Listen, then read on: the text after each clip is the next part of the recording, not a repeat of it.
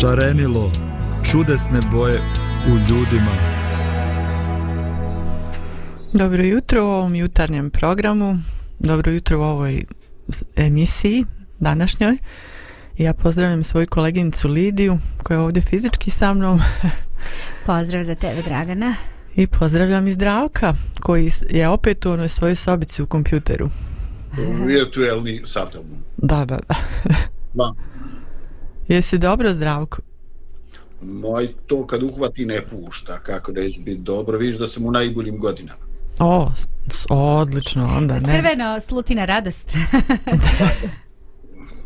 Danas neću da budem hirurg, oj, ovaj, da, da. sam je hirurga, prošle godine sam imao. A, dobro, dobro. e, da, da, da. Ja, ljudi, ovaj, mislila sam da će, da će jutro da bude ne, nešto ja rekao kakvi su sad ovo oblaci nešto kada ono pojavi se i malo sunca malo nade dobre još si ti u crvenom Dobro, ja sam malo tamnije. da, ali opet zelena priroda. Ali idemo veselo. Nema. Tako je, tako je. Ja ne znam jeste vi slušali ono u, u djetinstvu ono, ono poznato Pa sine, čeri, pa zar ne možeš da budeš kao i sva ostala djeca Možda sam vam par puta rekla, možda i češće Ali djeca onda ne mogu da odgovore na to Pošto još nisi svjesna, ono kao pa nisam ja kao ostala djeca To ti je tako mama, tata A nisu ni sva ostala djeca i kao druga neka djeca I ja to... sjećam porodne jer ti moraš da budeš najgori od sve djece. da, I ostalo ti je do dan danas. Mislim, da uzračica sviđa mi se. Da, da, to se često spominje kod nas odrasli. ovaj, poredimo se sa drugima i od malih nogu i ko zna na šta to sve može da nas navede, da li će biti loše ili dobro, evo ja ću vam navesti ovaj, neko moje iskustvo, e, bilo ovih manjih iskustava, ono, koji gratko traju, što ja nemam ovakvu kosu kao ona djevojčica, što ja nemam ovakve mm. oči ili ne znam ni ja šta. Jedno vrijeme mi je bilo ono kao, Jo, što ja nemam tamnu kožu kao ovi iz Afrike, mislim, bez Aha, vas. da nisam, nisam znala da si bila u toj fazi. pa nešto mi bleda koža, pa neko naša. Ali ništa, to je samo kratko i prođe. Uh, ali ono što je bilo par godina se ponavljalo u toku jednog perioda ovaj ono kad ideš na more i onda ovaj mi smo boravili ono ja se sjećam u ranom djetinstvu i kod kumova na moru i kod rodbine i šta znam ali kasnije smo onda išli na neka druga mjesta i ovaj i sjećam se kad smo boravili ovaj dvije godine zaredom u onom kampu sa kamp prikolicama I to mi je bilo ekstra nešto, onako ona, ona mm, šuma, mislim puno drveća i mm. baš je baš onako toplo, fino. Ali bilo je prekratko i onda sam ja, a što mi ne ostanemo, ne znam, tri sedmice kao, ne znam, ona tamo porodica, a što ovo, a što ono, znaš, i to mi je bilo nešto, to poređenje sa drugima, a što mi to ne možemo sad? e, da. Jel imate vi neka svoja iskustva? iz mladosti, iz djetinstva, tako, poređenja. Pa, pa ja otkad znam ovaj, eh, ovaj ženski svijet i mojoj porodici, kogod je imao ravnu kosu, žalio što nema kovrđavu. A hm. ovi što su imali kođa uvikale su, pa joj, što to nije onako pristojno, jednostavno za održavanje, što nemam ravnu kosu ko sve ove dame na televiziji. I ovaj, kako god ti daješ primjer, ovaj, da eto, može biti lijepo i ovako i onako eto najčešće su željeli ljudi ono što nemaju što mi je jako što mi je jako interesantno a ja sam ovaj e, u ranom djetinjstvu imao jedan problem nije mi se dopadalo moje ime Zdravko mm -hmm. ali kad bi se me pitala kako je volio da imaš ime ja stvarno nisam nikad znao ni jedno ime tako je na kraju prevagnulo daj drži to što imaš svakako i da biraš ne bi znao izabrati pa eto, upuno na puno letstvu, letstvu tamo kad su ti upisivali u ličnu kartu, tamo si mogao da promeniš ime, ali eto, nisi vjerovatno imao bolje. Znači, ovo je ipak za tebe najbolja opcija. da. Zanimljivo je to sa imenima. Ja recimo nikad nisam ovaj, htjela da promenim svoje ime, meni su uvek svidjelo moje, sviđalo moje ime, ali uh, Bojan je htjela da promeni svoje ime, njemu se njegovo nije svidjelo pa zašto to, pa zašto nisu, I bilo je tu nekih drugih opcija i dan danas sam tako ponekad spomene to, ali dobro, to je tako. O, ja, sam, ja sam se poradila sa drugima kada je u pitanju fizički izgled, naravno mi cure smo više mm, sklonije tim stvarima i to su te neke rane tinejdžerske godine kada gledamo druge pa kažemo, hmm, Viš kako se ova lipo uh, um, slaže u, no, u društvu se jako lako prilagođava ja nekako mm, da da da u tim godinama baš tako da uh, Pa onda bilo je tu i nekih drugih stvari vezano sa fizički izgled. Da, ja sam htjela da imam ravnu kosu, moja je bila neka čudna, nešto između. Evo ko sad što imam nešto. A baš je ovaj, slatko. Da, sad mi se sviđa. A onda kad je bila, onda mi se o, u tim nekim godinama htjela sam ravnu, pa tako različite neke stvari su tu još bile. Neke faze, neke trajale kratko, neke dugo, ali Ja, sad me posjetili ovaj, što se tiče imena, znaš, ono, ja sam se trebala zvati Gabriela, ali sestra se zaljubila u nekog Dragana, dječaka. I onda ona, može li, može li moja sestra se zove Dragana? Ko, ono, aj dobro, kaže mama. Pa reku, što si nju slušala? da, lijepo mi je i Gabriela, da. I to mi je isto lijepo ime. Ništa, sad ćemo malo da pravimo pauzicu. Ovo je bio samo uvod, a onda nastavljamo s našom pričom. Thank you.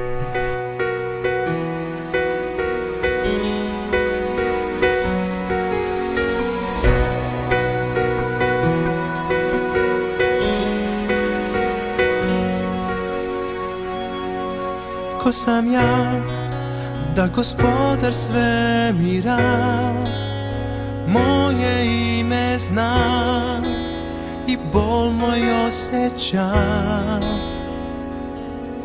Ko sam ja Da zvezda jutarnja Osvetljava moj put I prepreke uklanja Ne zbog toga kako sam ja Već zbog toga što činiš ti Ne zbog mojih uspeha Već zbog toga ko si ti Ja sam cvečna bez ove ne Danas tu, a sutra ne Talas kojeg ne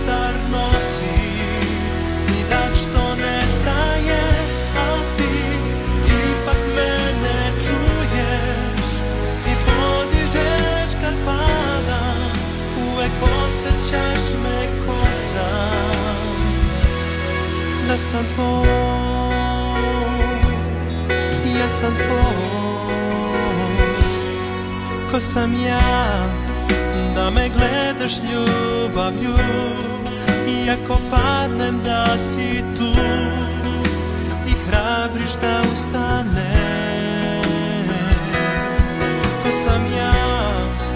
Χριστομόνας μυρουιές Ουμένοι πουρές σλέ η στράχου της αβάς Νες μποκτόγα το σαμιά Βες μποκτόγα στο τσινιστή Νες μποκμό ηχούς πεχά Βες μποκτόγα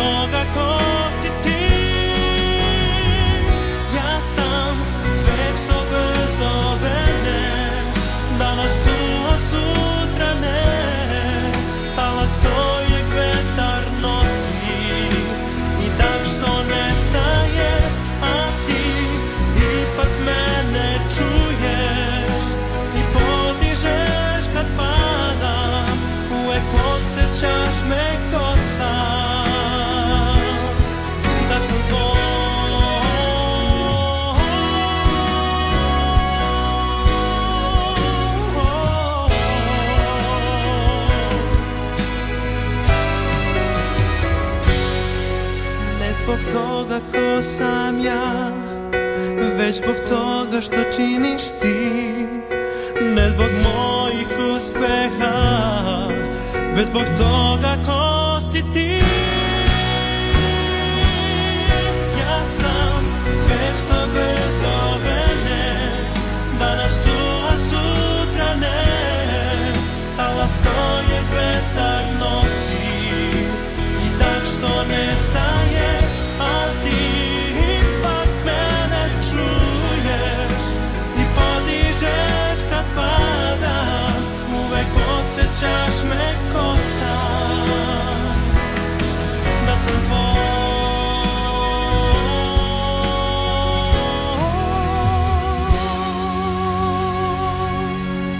痛。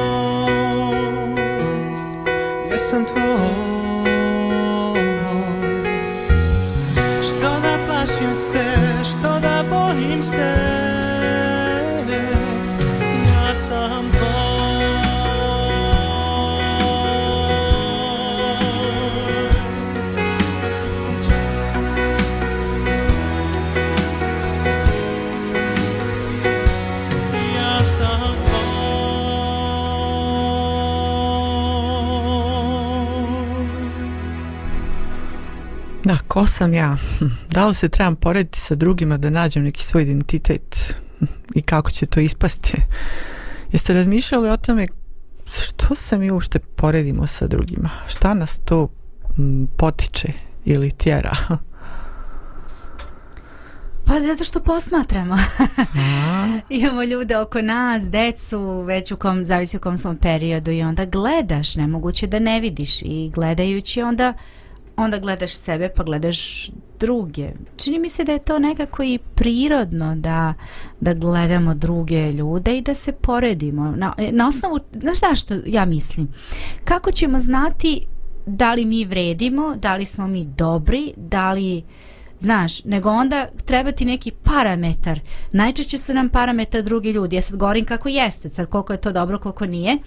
Ali realno ljudi znači upoređuju sebe sa drugima. Pa ne znam, moj uspeh sa uspehom tamo moj kolege ili prijatelja ili šta je znam njegova deca kakva su pa da su moja takva znaš mm. uvek poredimo sebe sa drugima da bismo mogli da vidimo gde smo mi mm. u e, čitavoj da, priči da. super E, vidiš, e, prije par godina ja sam imao neku svoju rekordnu kilažu. I dajde, dobro sam ja to nosio dok nije došlo vrijeme na proljeće ili na jesen, ne znam šta je bi, kad je trebalo posaditi luk. Imamo neku mikrobaštu i ja uživam onako kad mi, ovaj, kad mi dođe da jedem luk, da idem ubrat svoj luk. Ovaj, I onda je došao problem čoveče, otrbušilo se, ne može se sagijeti. I dobro, ajde, doživio sam ja to kao loš. I onda idem auto prema Banja Luci kanalom ovaj između ovaj jeli, razboj laktaš ona novo napravljeni put I idem tako ničim izazvan što se to kaže i gledam malo malo i neki plastenice u jednom trenutku ja shvatim da sam ja ovlaš prebrojao plastenice i znači ovaj, na jednom mjestu pet plastenika na drugom sedam, na trećem dva. Ja stanem, pa čoveč, pa jesi ti normalan, da ti se mučiš tamo ovaj 15 kvadrata da posadiš luka i paprika. Vidi ovo, ljudi imaju 300, 300, 400 kvadrata plastenika. Koliko njih ima u kući? De Beter, jedan nemoj više nikada da ovaj spomniješ neki problem, skidaj taj stomak, idi bre u bašu. Odjedan put shvatiš da neki ljudi ovaj, jeste lijepo je, mi vidimo kako oni imaju lijepa kola pankira. Ali kad vidiš 10 plastrika po 100 kvadrata, onda pitaš koliko njih ima u kući. Mislim, ono, to je, to je, treba imati egipatske robove čoveče. Robove treba imati da bi se to održavalo. I da ne kažem da u plastaniku je teško kontrolisana temperatura. Znači, ne samo treba čučeć, sjedeć na trošcu ili rad, nego treba trpiti temperaturu. I onda tu je poređenje dobro, od jedan put shvatiš da si better i da se trebaš mijenjati. A pa jeste, da, mm, da. Nekad se nešto ne nauči kad se poredimo s drugima. A gledao sam kako bi to rekla Lidija. Aha, posmatrao se. ovaj, a jeste primijetili možda u društvu nešto ovako da je, da je sad nekako češće neko upoređenje u odnosu možda na ranije godine ili nemam pojma. Um, bilo da su to mladi ili da su odrasli, svejedno, je, je vam nešto zapilo za, za oko ili za um? Koja su najčešća možda poređenja sad u ovim vremenima? Ne, ne znam, jeste razmišljali ušto o tome?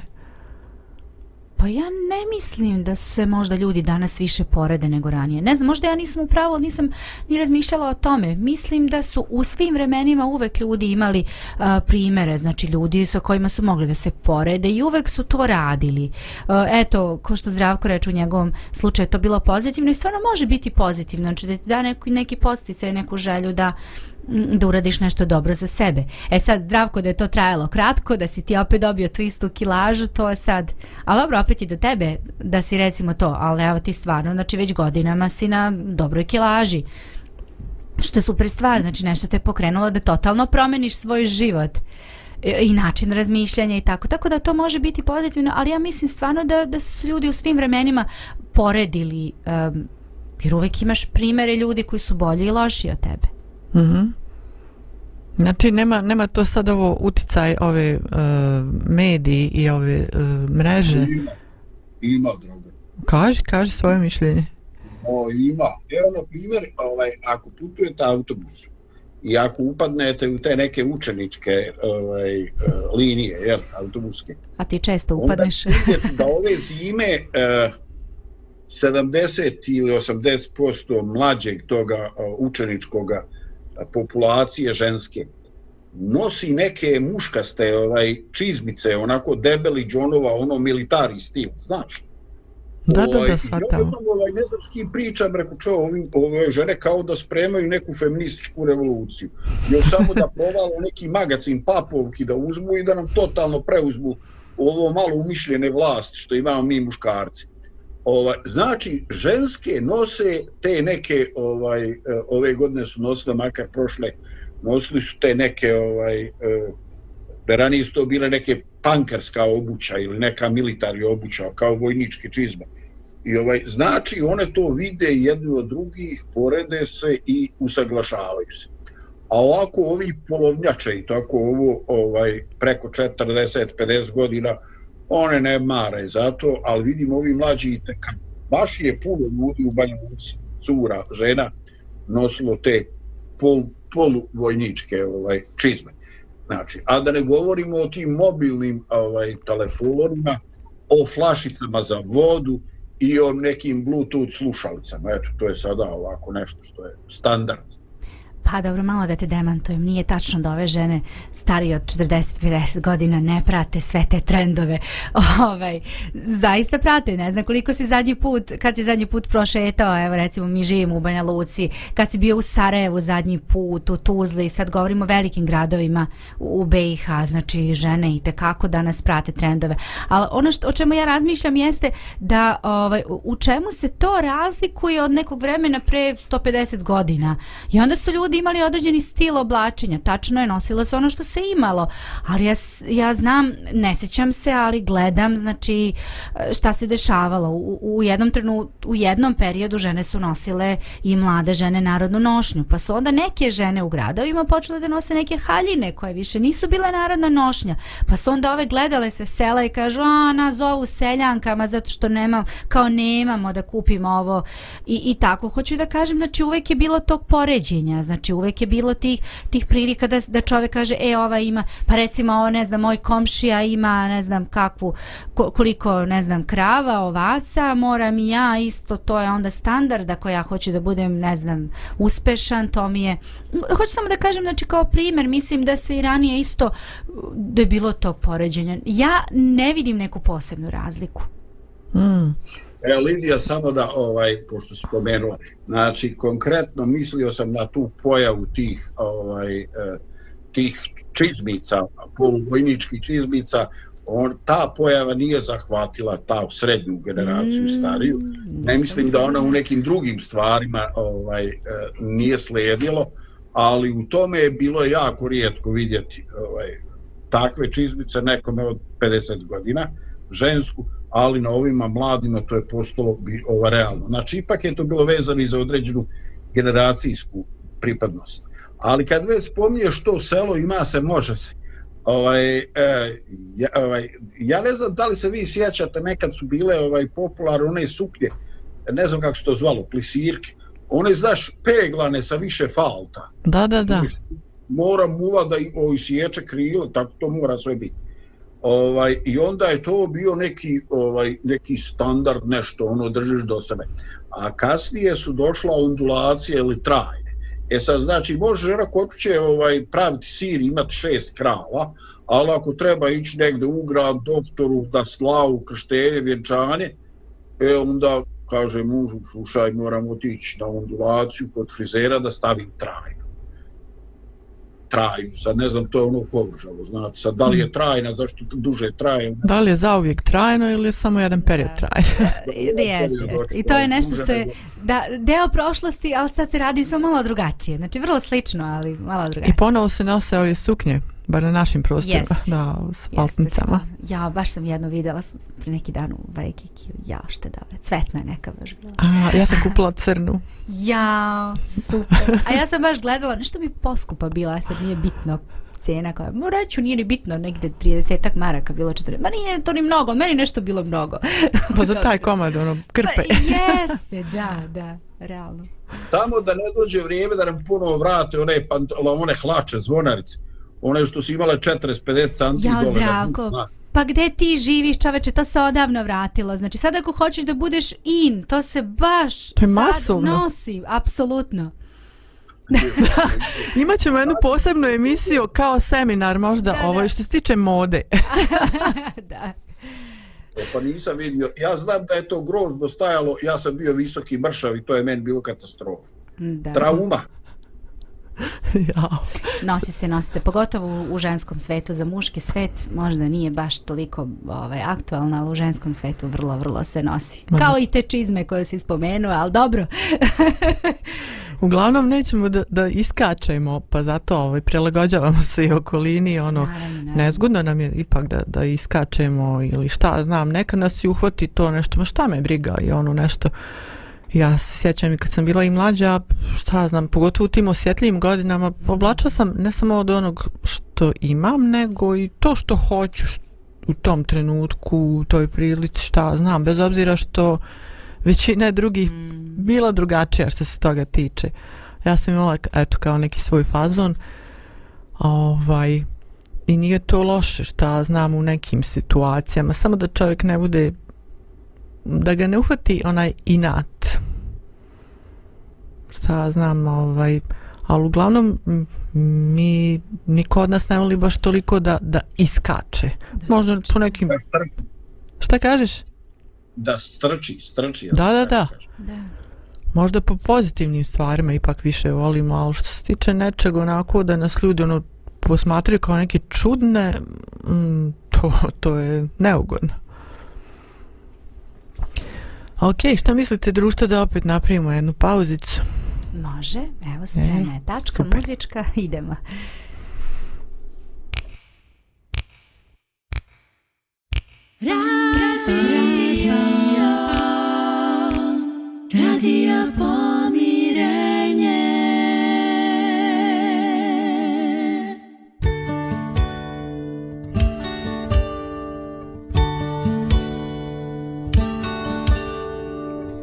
sve doline i gore kažu tko si ti Letni lahor šapće tvoje ime Svaka ruža kada stane nosi ti Priča o tebi i ponosi se time Priča o tebi i ponosi se time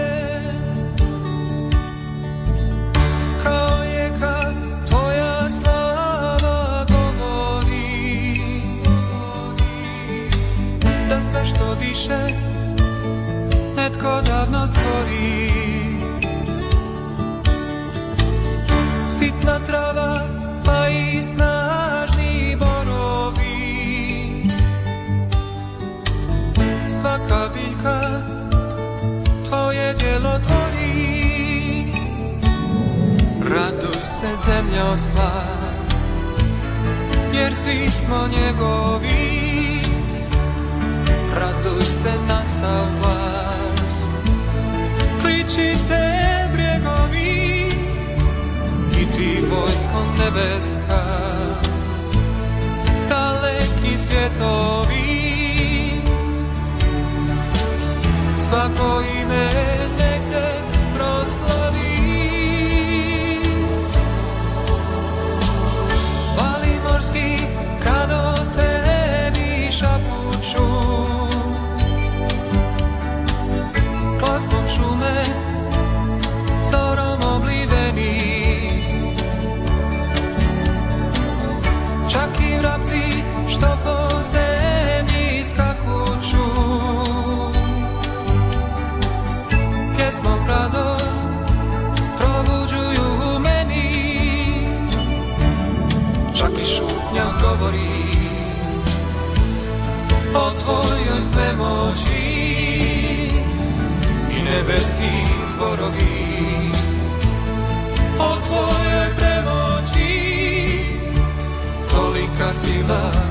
budi mi osjećanja nemoći samo ti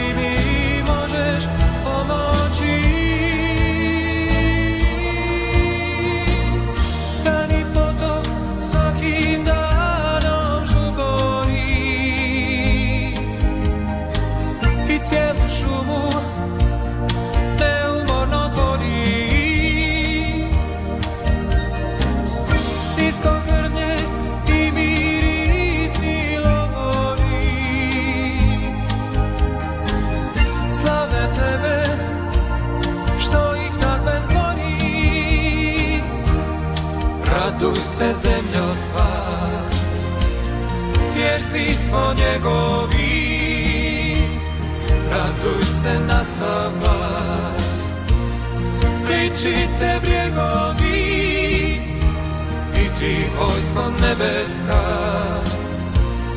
Daleki svjetovi Plemena zemaljska Jer svi smo ovi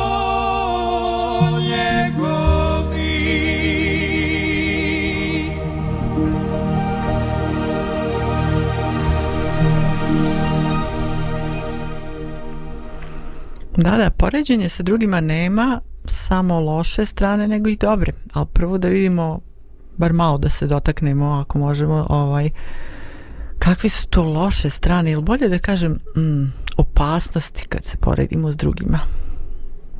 Za nas opasnost, a možda i za te druge. Šta izaziva to što se tiče tih loših stvari? opa opasnost je da izgubiš individualizam, jedna od, nije, naravno ima više tih, ali jedna od, to, od njih jeste upravo to, znači da izgubiš svoju, svoju ličnost, da se utopiš u ličnosti nekog drugog. Mm. Zašto bi se poredilo, ja sam ja, ti si ti, ti radiš stvari na svoj način, ja radim na svoj, ti izgledaš na jedan način, ja izgledam, ja ne mogu nikad i da hoću, ima danas tih ovaj, plastične hirurgije i toga koliko hoćete, pa ljudi pokušavaju da liče na, na nekog drugog, a mi, re, mi definitivno pokušavamo da budemo deo e, sveta u kome živimo i ne mislim da je nešto loše u tome, ali kažem, postoji ta opasnost da se izgubiš, da više to ne budeš ti. Mm recimo ako ti striktno, samo da je baš primjer neko banalan, znači ako striktno imaš kovrđavu kosu, a silno želiš da imaš samo ravnu kosu i stalno tu kosu peglaš ili ne znam stavljaš neke preparate, nije sad bitno, ovaj, i uvek želiš da imaš samo ravnu kosu, znaš, onda se malo zapitaš, pa čekaj, zašto ne prihvatim tu kovrđavu, ponekad malo kovrđavu, nekad malo ravnu, nekad, čist, baš je onako banalan primer, ali mislim da, da je to jedna od opasnosti. Ali se pitam ono, a što meni to treba? da, da. Ili ne znam, promjena. Vidiš, ovaj, Dragana, ja sam uh, još davno, mnogo mlađim godinama, ovaj opazio tu zakonitost ovaj prije nešto dođe neka sezona proljeće ljeto jesen zima kako se obično govori onda se unapred na 2 3 mjeseca kaže nosit će se ovakve boje, ovakvi krojevi, ovo i ono. Ja mislim da sam bio tu negde u godinama kad se stiče punoljetstvo.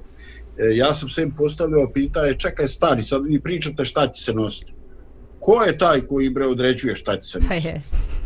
Znači, ovaj, postavio sam sve pitanje, kakva je to diktatura, šta je to? Znači, ti sva neko tamo sjedi i izmišlja šta bi ja trebao nositi. Yes. Znači, pa ne mogu, ja ne mogu, et neću. Tako da ovaj e, mislim da je to svoje vrsto robovanje. Dakle u nekom periodu ovaj u nekoj sezoni ti jednostavno nisi inako nema što što se traži, što se nosi, a onda još gore. E, naglo to prestane i ako si to napravio sa zakašnjenjem, pa još malo da iznosaš, onda, o, onda ti pravo ono, nenamjerno ispadneš e, ljakse ili kako se to kaže, ovaj, jel ti to, a to se sad više ne nosi. Znači, na neku komandu nosi, na neku komandu nosi, tam bolo, šta me militarizuješ, nije ovo vojska. Tako da sam ja već jako mlad, eto, maka pored svih probaša u životu, mogu to da se pohvalim, ja sam kao jako mlad došao do nekog zaključka da je čovjek najbolje da najčešće nosi ono što njemu koliko toliko stoji, na što se navikao, ovaj e, e, sada znači imaju i tu neke neke ličnosti ispravljaju medijima koje nose neki kaput 20 godina isti kaput ili makar isti model ne znam baš i to da li je okej okay, ali jednostavno da čovjek nosi onaj stil koji ne odgovara njegovim godinama, njegovoj figuri, njegovoj kilaži, visini i tako nešto i nešto s čemu se on ugodno osjeća. A prevelika sezonska prilagođavanja ovaj znači da mi moramo voditi računa kad nešto nabavljamo, kad to počinemo nositi i još gore kad to posle kog vremena to više ne smijemo nikako nositi. Da, da, da. Ova, ima još tih stvari koje, koje su neke opasnosti kada se poredimo sa drugima. Javlja se zavist i onda to preraste nekako i u zlobu, u mržnju, u, u, u osvetu, šta znam, to sve ide dalje i dalje kao vatra da se širi a i čovjek um, time nekako zna da, da unizi samog sebe što si rekla znaš gubi svoj identitet i onda misli da je manje i vrijedan i sve tako znači to su te neke opasnosti i za nas a i kako utičemo na druge ljude kad se, kad se u tom negativnom smislu da. poredimo da Da, možda mi smo se nekako sad baš onako usresredili na taj fizički izgled i na te neke stvari koje se vide mm. na prvu ruku, ali tu su i neke druge stvari, znači poredimo se sa drugima u načinu ophođenja, mhm. ponašanja, mm -hmm. rada određenih stvari, komunikacije, da trebamo biti usklađeni, ali ipak svako je od nas individua za sebe. I u tim stvarima trebamo eto ovaj da da o, o tome u, u tome povedemo računa. Da da da unikatni smo, svako od nas. Ali da, da krenemo malo na ove pozitivnije stvari. Da. ovo, ovaj, palo mi je na pamet ovi razni sportisti koji su sad uspješni kad su bili djeca kakve su oni idole imali, Možda, ne čitam puno o njima, ali vjerovatno su imali nekoga, neki kao uzor, šta znam, u tom svom sportu tada, želim da budem kao da, taj. Da, kad da. odrastem ili šta znam i slijedili su to neki mm. baš onako čvrsto se držali te linije i uspjeli su u sportu ili, ili ne znam u nekoj umjetnosti ili šta god je to. Mm. Jeste, da. Posebno su danas popularne te grupe uh, podrške gdje ljudi imaju iste stvari, isti problem i onda stalno to prate, stalno to gledaju. Ja ne, ne vidim ništa loše u tome sve dok je to neka vrsta podrške i dok se mi osjećamo dobro dok smo deo te grupe. Mislim da je to baš fantastična stvar zato što pomažemo jedni drugima da da se izborimo sa tim problemom koji imamo ili možda diskutujemo baš o toj temi koja zanima samo tu grupu. Uh, što je meni baš, baš dobro i misli da je to jedna pozitivna e, strana evo, ovih savremenih medija i mm -hmm. mogućnosti koje nam donosi. Ma da, ne možemo reći sad da je to hm, striktno loše ili striktno dobro, nego kako se iskoristi, to je to. Da, imate one sad grupe, ne znam, za dijetu, 8-16, eh, pa tako različite. Ja sam nekako deo te grupe. Ovaj, I sad, i baš, baš volim da pratim, stalno sam nekako... U... Da, 8-16. Da, e, to je... to mi je. A, da, sad. To u 90, 60, 90, ali mislim. Da. to ti je, znači, u 24 sata, 8 sati jedeš, 16 sati ništa ne jedeš. Znači, samo piješ vodu. A, Autofagija und. A onda imaš, da, da, jeste. Neki kažu, ne, to nije autofagija, onda imaš posebne grupe koje se zovu samo autofagije. I tako imaš sad, naravno, stupnjeve u svemu tome. Sad ovaj, nije to bitno, ovaj, ali imaš, kažem, i druge grupe. Ja i druge grupe neke pratim i baš me zanimaju i super je to. I tu hoćemo da budemo uniformi, univo, uniformni u smislu da... Znači, ili si deo te grupe ili nisi deo. Onda ljudi pita, a mogu li ja vam prozora da ne znam pojedem ovo, mogu li ja? Pa ne možeš ako hoćeš to ti je put i način. Budi ti deo druge grupe, radi nešto drugo, ali nisi onda naš, razumeš? razumijem, da razumijem. To je ono da, ne, da se noć ne jedi, ne pustilo svijetlu u frižderu. Da, da, da. da. E, da. ovaj, um... Eh, samo da vidim, ovaj, da mi možda sad napravimo jednu pauzu, mm -hmm. pa ćemo se opet vratiti na našu priču. Može.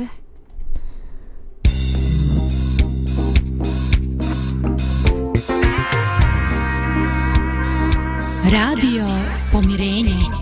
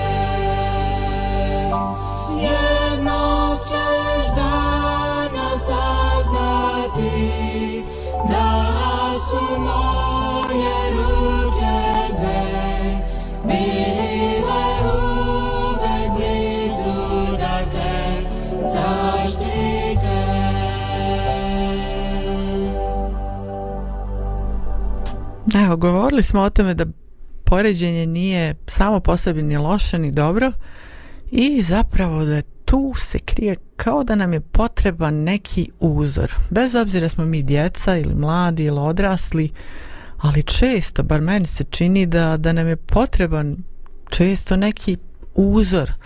E sad, kako ćemo se mi osloniti jedni na druge ljudi, na ljude, na ljude, da li ćemo imati dobre uzore i u čemu, u čemu i možemo pogriješiti hm. da li možda ima neki veći uzor na koga se možemo više osloniti neko koji ima onako dobar temelj koji je čvršći ko će nas i povesti ako treba pravom smjeru šta, šta kako da, da riješimo ovaj problem što se tiče poređenja da malo onako stavimo jednu tačku onako um, da, da ne ostane ono nešto između. Mislim, bacimo mi ovako mm. eh, hranu neku i razmišljanja naša da naši slušalci i gledalci razmišljaju a i mi ovako da razgovaramo ali da čujem i tu neku stranu da li, da li se ljudi mogu samo oslanjati na, na ljude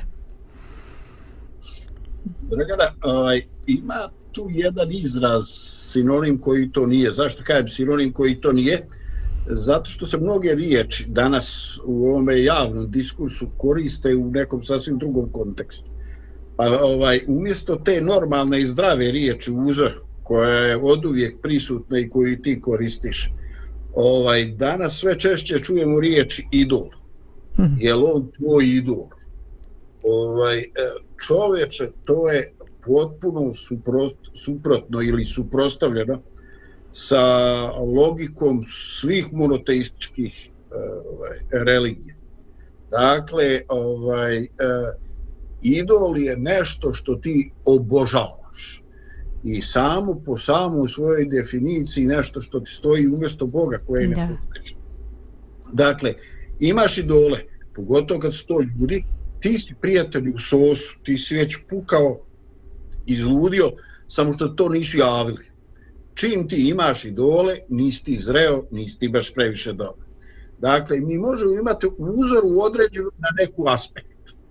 Ovaj, e, čovjek u mladiću koji je visok, zdrav, dobro razvijen, pa izabere uzor u nekom košarkašu, Jokić i onda ne samo hoće da igra tako dobro košarku kao Jokić ili tenis, makar malo kao ovaj e, naš teniser, to je svatio ali ljudi idu dalje i onda pokušavaju da imitiraju ne samo sportske kvalitete te osobe, nego i njegov način ishrane, češljanja, oblačenja, ovo, ono. znači počeju da je kopiraju. I mi već tu imamo problem. A kada to ovaj, određuju u velikoj broj, broju stvari na život, kad mi počnemo da trošimo vrijeme, kad smo članovi neki tamo fan grupa, navijamo za neke ljude, traumatiziramo se jer smo se posvađali ovaj sa svojim partnerom, dobili bebu, jel se beba treba nove pelene. Ono ovaj to stvarno govorim da smo mi ovaj prilično dezorijentisani. Dakle taj fenomen koji ti spominješ eh, je definitivno nešto što je ugrađeno u čovjeka.